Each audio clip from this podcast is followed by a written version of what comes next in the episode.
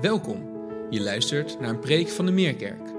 We hopen dat je door deze preek geraakt mag worden door de liefde van Jezus. En dat je aangemoedigd mag worden om Hem samen met ons te volgen en van Zijn liefde te getuigen.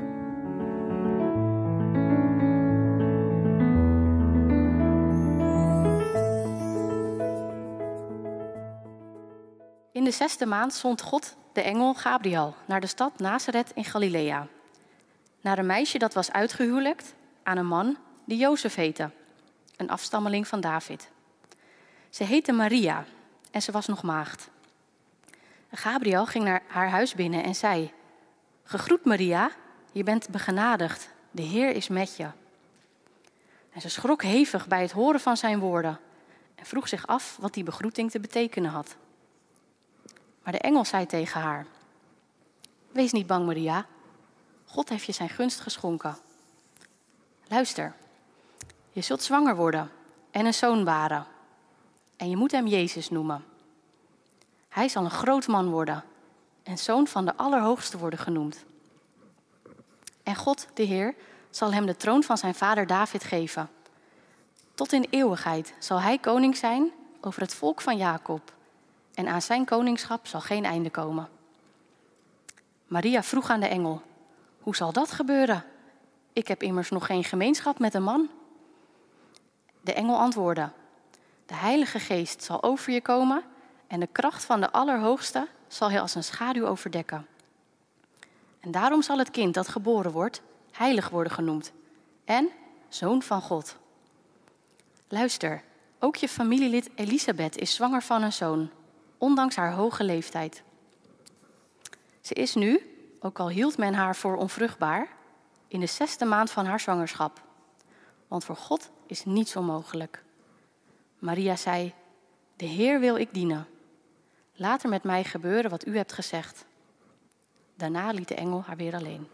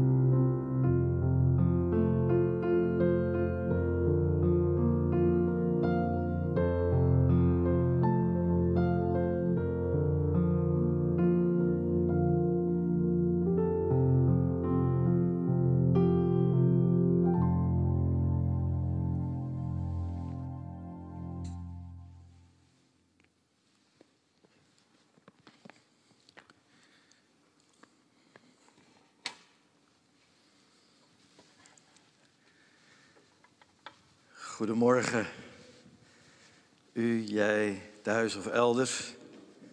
Nu in de livestream of misschien straks, later op een moment dat je kijkt. Daar zitten we, daar staan we, daar zijn we. Opnieuw een lockdown. En opnieuw een lege kerkzaal. Wat staan we hier op deze vierde zondag van Advent, want dat is het vandaag, de laatste zondag voor kerst. Wat staan we hier onwennig en ook met een dubbel gevoel. En het is al genoemd, maar ik wil het toch ook noemen, zo aan het begin van de preek. Een tegenvaller, zo abrupt voor deze morgen, gisteravond moeten schakelen, biddend geschakeld. En het was inderdaad een moeilijke keuze, maar met veel overleg, ook met andere kerken. En met onze eigen staf zijn we tot die conclusie gekomen. Maar niet alleen voor nu, ook voor straks geen fysieke kerstdiensten uh, waar we zo naar hadden uitgezien. En ik wil de verschillende teams bedanken. Want ook zij hebben het nieuws gehoord. Danken voor de geweldige veerkracht vanwege kerst. Denk alleen maar even als we met hen meeleven. Eerste voorbereidingen voor de kerstnachtdiensten. Die veranderden naar kerstochtenddiensten. En nu vervallen ook deze fysieke kerstochtenddiensten. Natuurlijk als team zullen we hier zijn en de dienst hebben zoals vanmorgen. Maar het is steeds weer schakelen. En wat een genade van God dat hij ons die veerkracht geeft. Hetzelfde woord van dank voor de veerkracht van eh, de Mikkids en alle medewerkers, al die teams. En vanmorgen kan ik zeggen dat ik had uitgezien naar nu en kerst om fysiek bij elkaar te zijn, om heel veel redenen. Maar er was nog één bijzondere reden. En dat is dat we vanmorgen hier in de zaal onze expect jongeren zouden hebben. En ook straks met kerst. We zouden samen met elkaar vandaag een kerst vieren. En ik heb in die recente kerstbrief, waar net naar gerefereerd werd door Lisanne, ook eh, verteld. En zelfs onderstreept hoe ik uitzag naar die kerstochtenddiensten uitzag naar de jongeren die erbij zouden zijn, maar zeker ook om het samen met de senioren te vieren. Want hun seniorenkerst van afgelopen woensdag kwam te vervallen. Daarom dat we ook op die woensdag met dat hele team naar hen toe zijn gegaan met een kerstattentie. Omdat we hen niet wilden vergeten. Maar we wisten ook, nu het op de ochtend is, onze kerst, zullen ook de senioren kunnen komen, waar dat vroeger soms avonds best een uh, hindernis was. En tenslotte de tegenvaller voor ons ook met het oog op onze gasten. En dank Lisanne hoe je ons aangemoedigd hebt, jong en oud, waar we anderen al uitgenodigd hebben voor de diensten om nu creatief, misschien op een andere manier ook deze mogelijkheid te gebruiken om toch elkaar te ontmoeten. Misschien samen naar de livestream te kijken, heel beperkt, want het kan maar met heel weinig mensen maar misschien toch een kans. Of voor een wandeling, of voor een alternatief. Laten we bidden dat we dat met elkaar uh, mogen krijgen en ook ideeën uitwisselen. Nu, voor we naar de boodschap van vanmorgen luisteren, wil ik toch een moment nemen. Dank Lisanne al voor jouw gebed.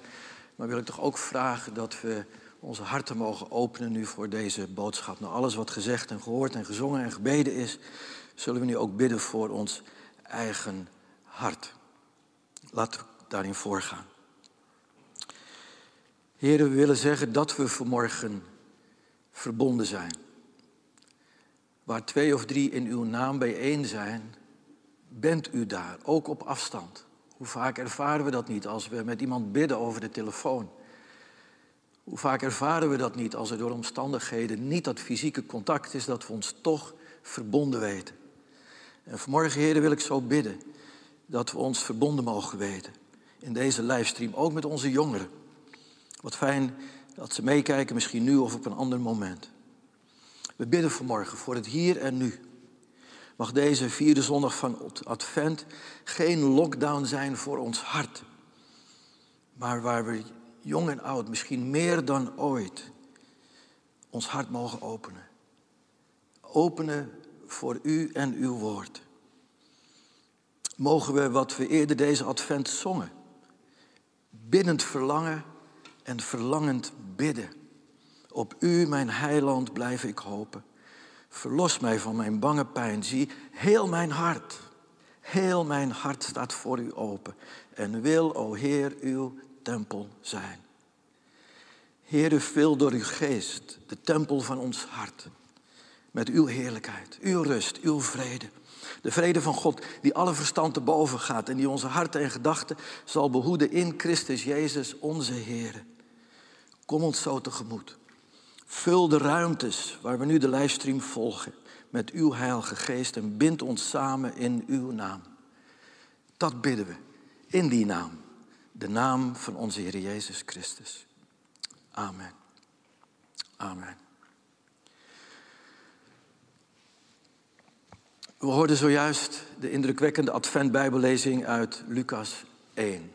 Voor velen een bekend verhaal, maar je kunt het eigenlijk niet genoeg horen. De engel Gabriel die Maria bezoekt en haar aankondigt dat ze zwanger zal worden van Jezus, de lang verwachte Messias.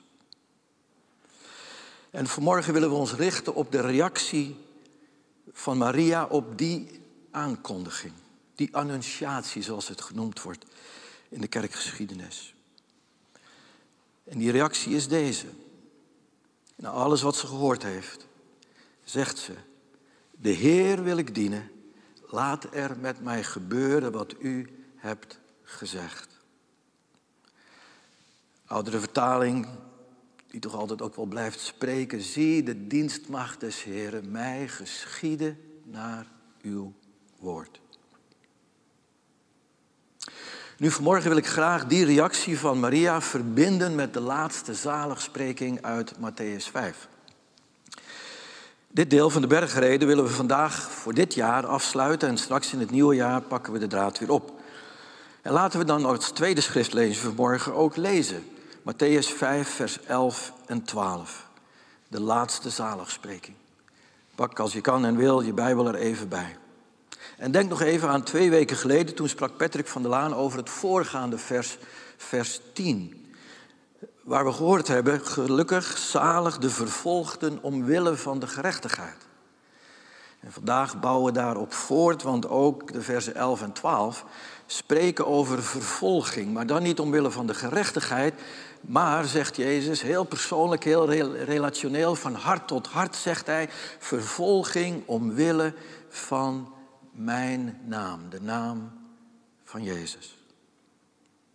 Hoor de lezing uit ook de NBV 21 vertaling. Matthäus 5, 11 en 12. Gelukkig zijn jullie wanneer je omwille van mij zie je uitschelden, vervolgen en van allerlei kwaad betichten.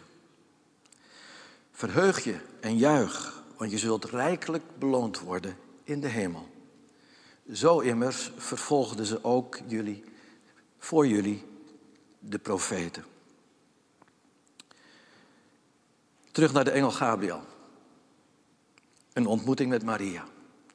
En ik hoop dat je kan schakelen wanneer we werken naar eigenlijk die twee tekstgedeelten uit Lucas 1 en Matthäus 5 om die bij elkaar te brengen. Maar we beginnen weer bij Maria. Omdat de jongeren van Expect met ons meekijken, nu of later, wil ik nog even noemen dat Maria op het moment van de ontmoeting met de engel Gabriel waarschijnlijk hooguit een jaar of 16, 17 is geweest.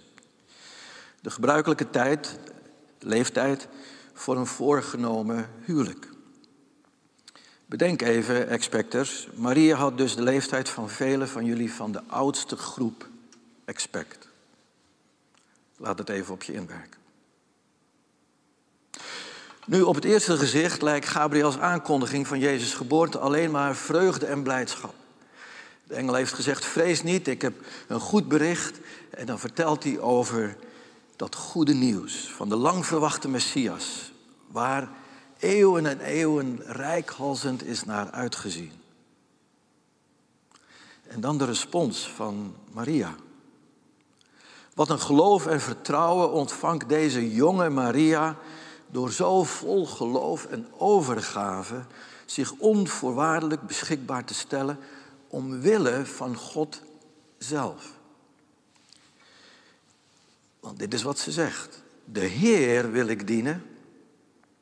Laat er met mij gebeuren wat u hebt gezegd. Wat u, ik noemde dit in mijn kerstbrief, in uw raadsbesluit naar uw welbehagen bepaald heeft. Laat het maar geschieden, laat het maar gebeuren. En dan, en dat is niet onbelangrijk, dan lezen we nog als laatste dit detail. Daarna liet de engel haar weer gaan. Daarna liet de engel haar weer gaan. Ja, ik lees het bewust niet zoals het staat, want er staat alleen. Daarna liet de engel haar weer alleen. En dat woord alleen, dat trof me. Die ontmoeting, goddelijk, en ineens is de engel weg en laat haar alleen. Ik heb veel op dat woord alleen gemediteerd. In die woorden klinkt al een voorbode van wat het Maria zou kosten om die Heer te dienen omwille van zijn woord, zijn plan, zijn wil. Alleen, alleen gelaten met alle gedachten en gevoelens van dat moment en wat zullen dat er veel geweest zijn. En probeer nu vanaf dat moment even met me mee te reizen in de tijd van het leven van Maria.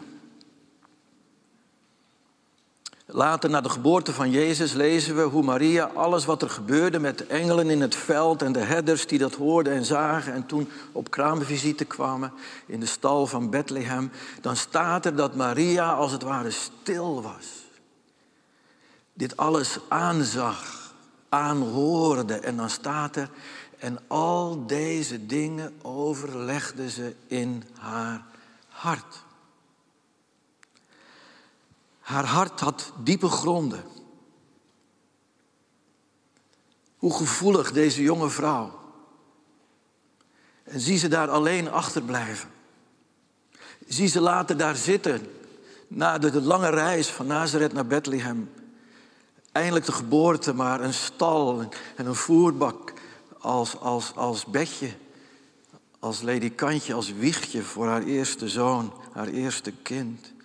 En dan ineens engelen, dan ineens herders, al, al die reuring en dan zit ze daar stil. Bijna zou je zeggen alleen, ietsje afgezonderd. Niet omdat ze er geen deel van was, niet omdat ze blij was, niet omdat al dit haar zo overkwam. Ze was ongetwijfeld ontzettend dankbaar en blij, maar ze vroeg zich ook af wat dit alles te betekenen had. Ze overlegde in haar hart. Haar hart met diepe gronden diepgelovige jonge vrouw. Een hart wat ook kwetsbaar was om de liefde voor haar kind en het bijzondere waar zij voor uitverkoren was. Om de zoon van God te mogen dragen en baren. En dan op de achtste dag na de geboorte, voor elk Joods jongetje de besnijdenis en het voorstellen van Jezus in de tempel. En daar was weer zo'n wonderlijke ontmoeting met de oude Anna en Simeon. Kijk even naar onze senioren als ze meekijken met ons seniorenkerst. We hebben verschillende keren over Anna en Simeon gesproken als collega senioren. En de oude Simeon, bij het zien van Jezus en, en ook het aankijken van Maria, voorzegde al de kwetsbaarheid van Maria's hart en de eenzame pijn die haar te wachten stond. Want, zei Zacharias, omwille van haar zoon Jezus zal Maria door uw eigen ziel een zwaard gaan. Door uw eigen ziel een zwaard gaan. Zie ze daar staan, de jonge Maria met een acht dagen jong babytje in de arm in de tempel om het te wijden aan God. Maria, er zal door je eigen ziel een zwaard gaan. En dan, ongeveer een, twee jaar later, we weten dat vanwege het kraambezoek van de wijze uit het oosten, de megalomane koning Herodes het gezet had op het leven van Jezus. Weer zo'n moment in de tijd van tegenstand, vervolging, gevaar, want we proberen nu te linken naar de zaligspreking van Matthäus 5, 11 en 12. Hals over kop moeten Jozef en Maria samen met de jonge Jezus vluchten naar Egypte om aan de dood te ontkomen. En zo was het leven van Jezus steeds weer in gevaar. Totdat de tijd vervuld werd en Jezus tijd gekomen was om zijn leven vrijwillig af te leggen aan een kruis. En weer is daar Maria. Zie haar staan op die vrijdag, die voor ons een goede vrijdag is geworden, maar voor haar de vrijdag van de marteldood van haar zoon. Zie Maria daar staan aan de voet van dat kruis waar haar zoon stervende is. profetie van Simeon was uitgekomen. Er ging een zwaard door haar ziel.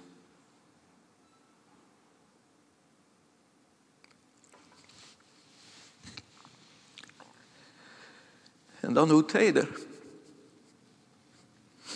Hoe teder dat Jezus met zijn laatste krachten vanaf het kruis een van zijn geliefde volgelingen, Johannes, vraagt Maria als moeder te adopteren. En Maria, Johannes, als haar zoon. Zie moeder, zie zoon, ik verbind jullie aan elkaar, nu ik er niet meer ben. Want Maria was al eerder alleen achtergebleven. De, overlevering vertelt dat zij al vroeg in haar leven haar man Jozef verloor.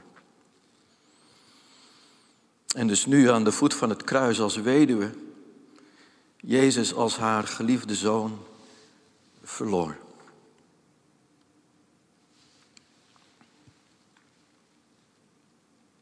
Terug naar Lucas 1. Wat lag er toch veel omsloten in de geloofswoorden van deze jonge vrouw. Die dag in Nazareth, bij de verschijning van de engel Gabriel. Ik kan die woorden vandaag niet genoeg zeggen. De Heer wil ik dienen. Laat er met mij gebeuren wat u hebt gezegd. En als we dan zo haar leven in een vogelvlucht bezien, wat spreekt dat kleine detail aan het eind van het weggaan van de engel Gabriel boekdelen. Daarna liet de engel haar weer alleen. En daar staat ze. Maria. Alleen. Nu zitten we weer midden in het verhaal. Zij wist nog niet wat wij net in een vogelvlucht eh, hebben gezien in het verloop van haar leven. Zij staat daar nu alleen. Wat moet ze nu doen? Probeer het je voor te stellen. Aan wie moet ze haar verhaal kwijt? Wie zal haar geloven? Wat zullen de buren zeggen? Wat zal het hele dorp zeggen? Kan ze nog over straat? Hoe? En dat zal haar eerste en grootste zorg geweest zijn. Hoe zal haar verloofde Jozef reageren op dit nieuws? Dat Maria zwanger is, maar niet van hem.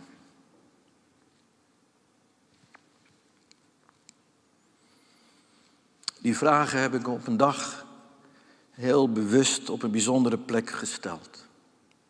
Al die mogelijke vragen en zorgen die door haar hoofd en hart gingen. Ik heb vrienden in Nazareth en dat gaf me de gelegenheid bij hen te logeren en een paar dagen samen met hen op te trekken in het Nazareth van vandaag. En de plek waar ik lange tijd doorbracht in overdenking en gebed met al die vragen en zorgen die ik probeerde te bedenken, die Maria mogelijk gehad zou hebben. Al dat wat toen door mijn hoofd en hart ging, in gebed en, en in alle indrukken die ik daar opdeed, was precies op de plek die gezien wordt als de plek waar de ontmoeting van de engel Gabriel en Maria plaatsvond. En daar zat ik stil in een hoekje. En ik zag vele pelgrims rondgaan, ook op de plek in een, in een soort cave, grot, waarvan men denkt dat dat de plek geweest is waar de engel Gabriel ontmoette en toesprak. Uren heb ik er gezeten, rondgelopen, gebeden, indrukken opgedaan. Wat gebeurde dat moment daar in die grot toen Maria alleen achterbleef? Hier gebeurde het wonder van het grootste wat God tot nu toe in de geschiedenis geopenbaard had. De aankondiging aller tijden. Wat een blijdschap, wat een vreugde. Maar, wat met al die vragen? En dat als consequentie. Wat al die zorgen en dat als consequentie van haar onvoorwaardelijk dienen van de Heer en Hem nemen op zijn woord. Dat woord niet alleen horen, maar gehoorzamen. En hier maken we de stap naar de zaligsprekingen. Misschien heeft Jezus in de zaligsprekingen wel heel bewust, meer dan bij welke vorige zaligspreking ook, drie versen gewijd aan vervolging. Met daarbij de nadruk op vervolging, niet omwille van jezelf, van jou, van je mening, van je overtuigingen. Nee, juist omwille van Hem. Omwille van mijn naam, zegt Jezus. Vervolging, inclusief uitschelden, kwaadsprekerij, leugens, roddels, aantijgingen, kwaadbedichterij, smaad en nog veel meer. En wat kun je je dan alleen voelen? Als je als volgeling van Jezus anders in het leven wilt gaan en staan.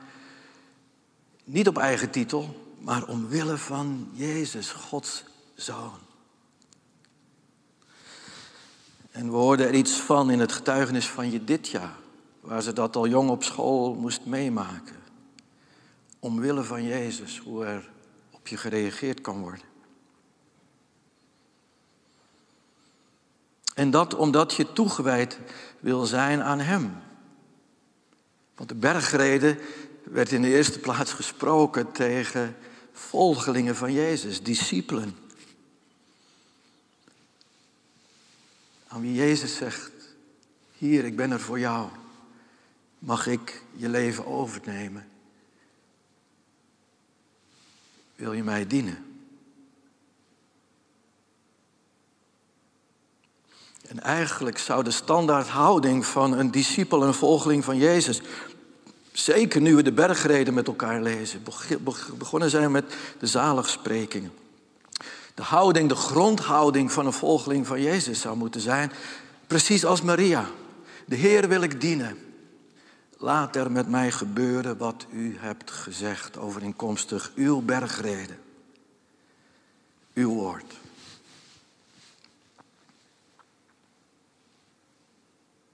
En dan komen we bij vandaag. In deze verwarrende en gepolariseerde tijden, waar zeker ook nu met de nieuwe lockdown meningen en overtuigingen, oordelen en veroordelen over elkaar heen buitelen in de media en op internetfora en zelfs ook in kerken.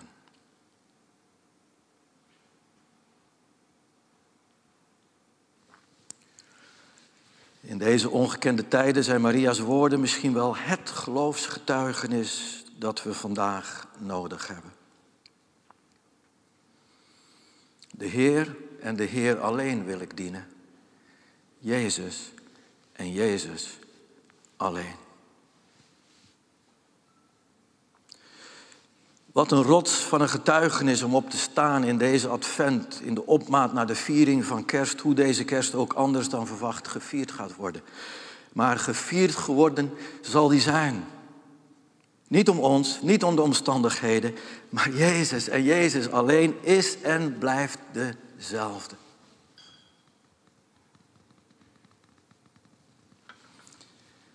En ons dienen van Hem mag doorgaan wat de omstandigheden ook zijn. Zij Zacharias niet precies dit in zijn lofzang? Wat zijn er veel prachtige lofzangen in deze adventstijd om te lezen. Zij Zacharias niet precies dit in zijn lofzang naar de geboorte van zijn zoon Johannes de Doper, de voorloper van Jezus. Dat we vrij van angst Jezus dienen zouden, oprecht en toegewijd ons leven lang ons leven lang. Dat zijn ook onze dagen in het hier en nu aan het eind van 2021. En dan gaan we weer terug naar het begin van de kerkgeschiedenis. Die woorden van Zacharias toen uitgesproken waren dus ook waar en dat heeft Maria ongetwijfeld ervaren. Ook voor Maria in die eerste dagen nadat de engel haar alleen gelaten had. Ook die dagen waren om vrij van angst. De Heer Jezus Christus en zijn komst in haar moeders schoot. Toegewijd en oprecht te dienen. Welke dagen ook nog zouden komen. Vol onzekerheid. Vol tegenstand. Laten we nog één keer die vraag stellen. Wat zou Maria allemaal gedacht en gevraagd hebben die eerste dagen toen ze alleen gelaten werd na het bezoek van Gabriel? Ik heb me geprobeerd daar en vele tijden daarna daar me iets van voor te stellen. Ik durf er geen uitspraken over te doen dan alleen maar vragen te stellen. Behalve één. Er is één ding wat ik wel weet. En daar wil ik mee eindigen. Maria putte kracht, moed, troost, alles wat ze nodig had uit Gods woord. Daar ging ze heen naar God in gebed en zijn woord zoekend voor raad om haar bij te staan.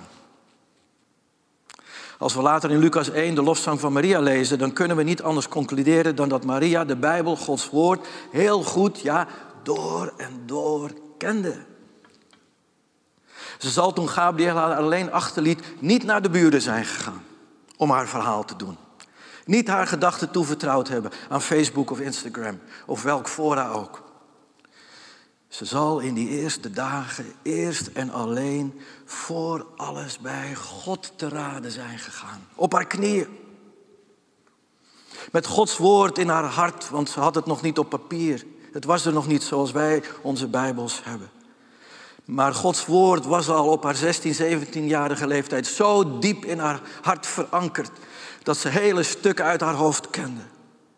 En ze zal op die momenten in, in, in haar geheugen, in haar hart gezocht hebben naar woorden die precies voor die situatie van toepassing geweest zouden zijn. Bij al die vragen en al die zorgen. Om daar alleen op haar knieën met God in haar hart, om bij Hem en Hem alleen een ankerplaats te vinden voor haar ziel.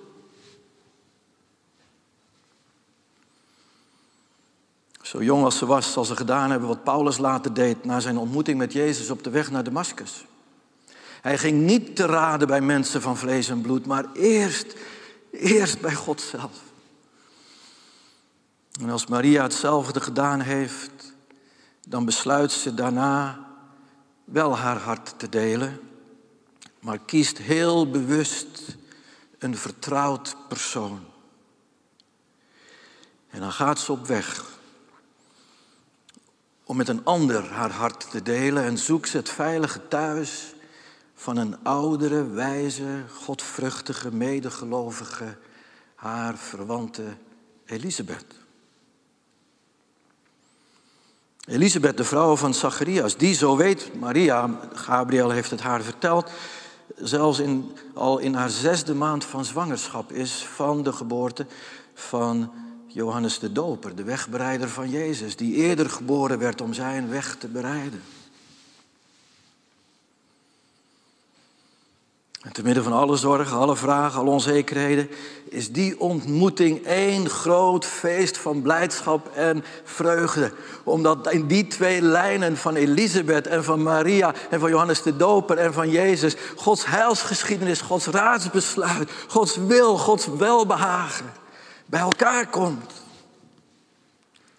En zelfs Johannes in de schoot van Elisabeth doet een huppeltje van vreugde. Hier gebeurde het, waar zo lang is naar uitgezien. Oh, wat een geweldige tijd advent, om uit te zien voor hen voor het eerst, voor ons voor de zoveelste keer, naar de geboorte van Jezus Christus. En wat zegt Elisabeth dan tegen Maria? Jij bent gezegend, Maria. Want jij geloofde dat God zou doen wat de engel je vertelde. Wauw.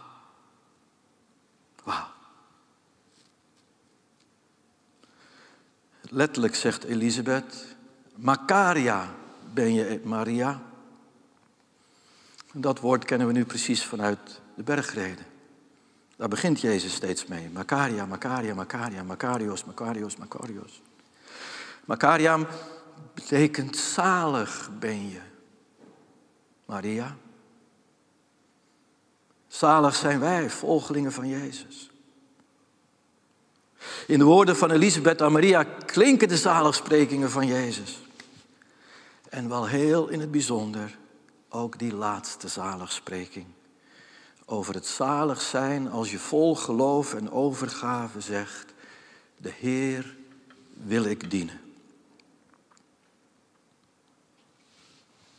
En dat dienen komt met tegenstand, met vervolging, met smaad, met hoon. En dat niet omwille van de naam van mensen, maar omwille van de naam van Jezus. De zaligsprekingen leren ons dat we gelukkig zijn, ja zalig zijn omwille van Jezus en het voorrecht Hem te dienen. En welk een voorrecht is het? Ongeacht de consequenties. Maria, zo jong als ze was, is ons tot een groot voorbeeld van het dienen omwille van de naam van Jezus, ongeacht de consequenties. Het raakte me, Psalm 37, die je dit jaar vandaag in het videogetuigenis deelde en welke haar tot zo'n grote steun was en is. En direct dacht ik aan Maria. Psalm 37 zat diep in het hart van Maria, zoals misschien wel alle psalmen die ze uit haar hoofd kende. Psalm 37 moet ze door en door gekend hebben.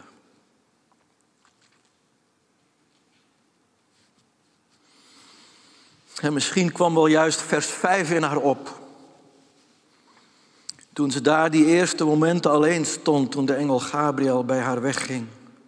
En ze niet wist welke weg er voor haar lag. En sprak God zelf tot haar. Maria, wentel je weg op de Heer en vertrouw op Hem. En Hij zal het maken. Hij zal het maken. En ik weet niet hoe je thuis zit, je omstandigheden of op een later moment als je kijkt. Maar één ding weten we. Dat hebben we wel geleerd in de laatste twee jaar. Hoe onze weg ook gaat, vol onzekerheden. Verre van maakbaar, laten we dat woord even vasthouden. Hoe onmaakbaar is het leven gebleken? Hoe de weg ook zal zijn met tegenstand en lijden omwille van de naam van Jezus. Mogen we die onzekere, onmaakbare weg vol vertrouwen wentelen op Hem, de Heer. En Hij zal het maken. Hij zal het maken. En als je dat gelooft, als je dat vertrouwt, als je je daaraan overgeeft, als je daar met elkaar over spreekt, zoals Maria en Elisabeth samen spraken als metgezellen, harten die elkaar vonden in het geloof, in de Heer zelf. Als je dat gelooft, als je dat vertrouwt, als we dat met elkaar delen, dan ben je de meest gelukkige mens. Ja, ben je dan niet zalig als de Heere het is die het maakt in jou en mijn leven. Laten we samen bidden.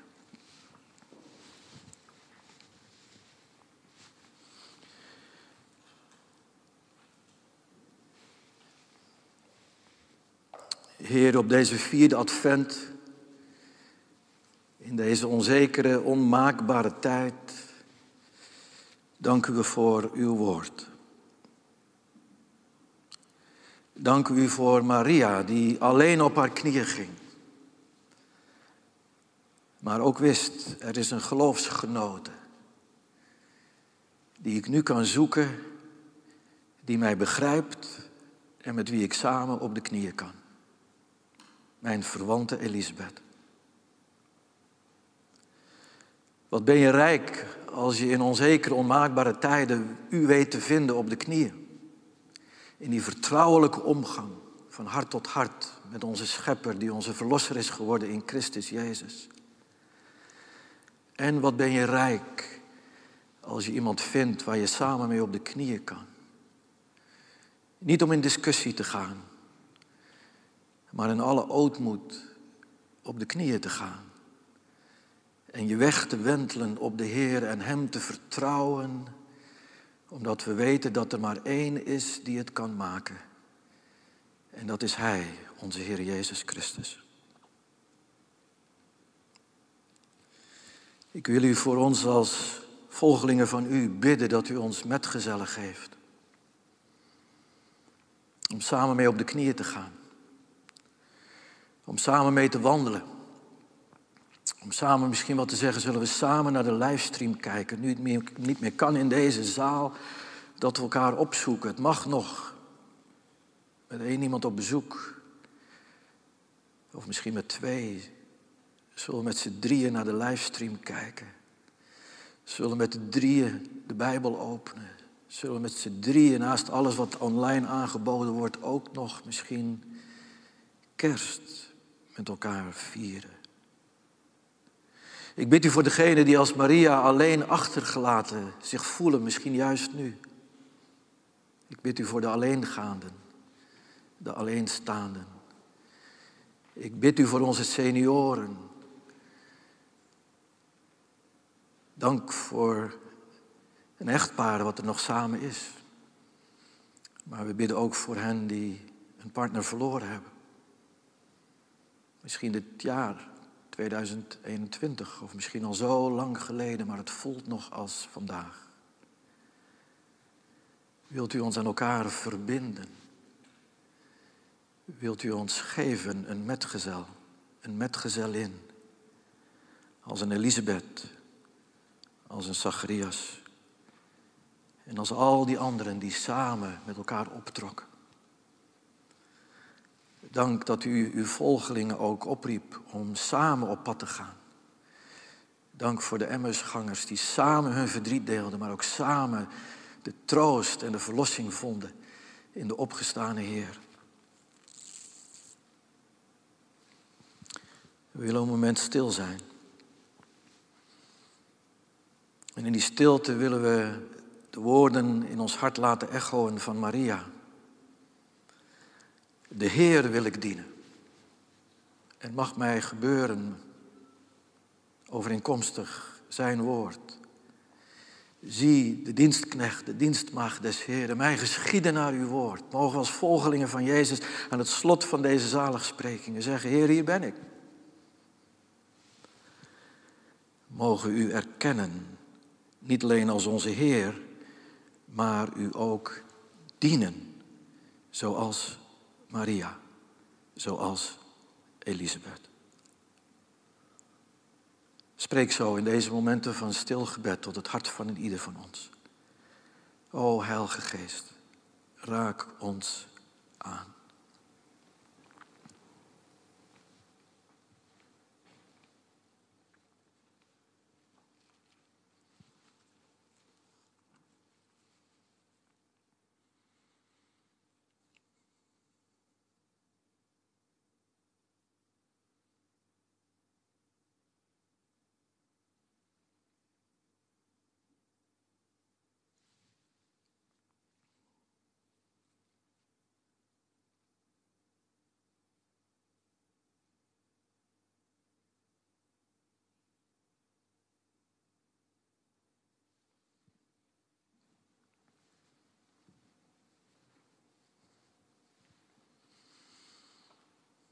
Dank, Heer, dat u gekomen bent als licht van de wereld. U die scheen in mijn en onze duisternis. Dank dat we nu in de geboorte van onze Heer Jezus Christus mogen zien wie u bent. In het verhaal van Maria tot en met het kruis en de opstanding mogen weten dat het liefde was. Onvoorwaardelijk voor een ieder van u. O, u Heer willen we kennen. Die liefde willen we kennen. Bij u willen we zijn, zoals Maria in die eerste momenten, toen ze alleen gelaten werd. Bij u willen we zijn elk moment. En net als Maria willen we voor u buigen. U aanbidden. U erkennen als mijn, ja, onze Heer. Want u alleen bent waardig, heilig en rechtvaardig. En u bent zo geweldig goed voor mij, voor ons.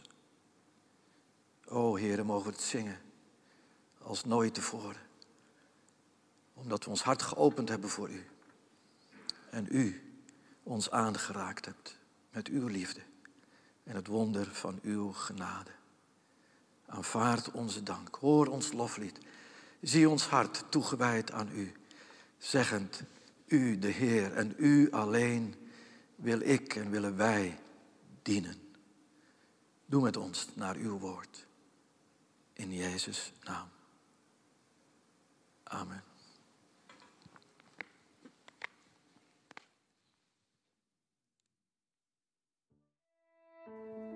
Fijn dat je hebt geluisterd.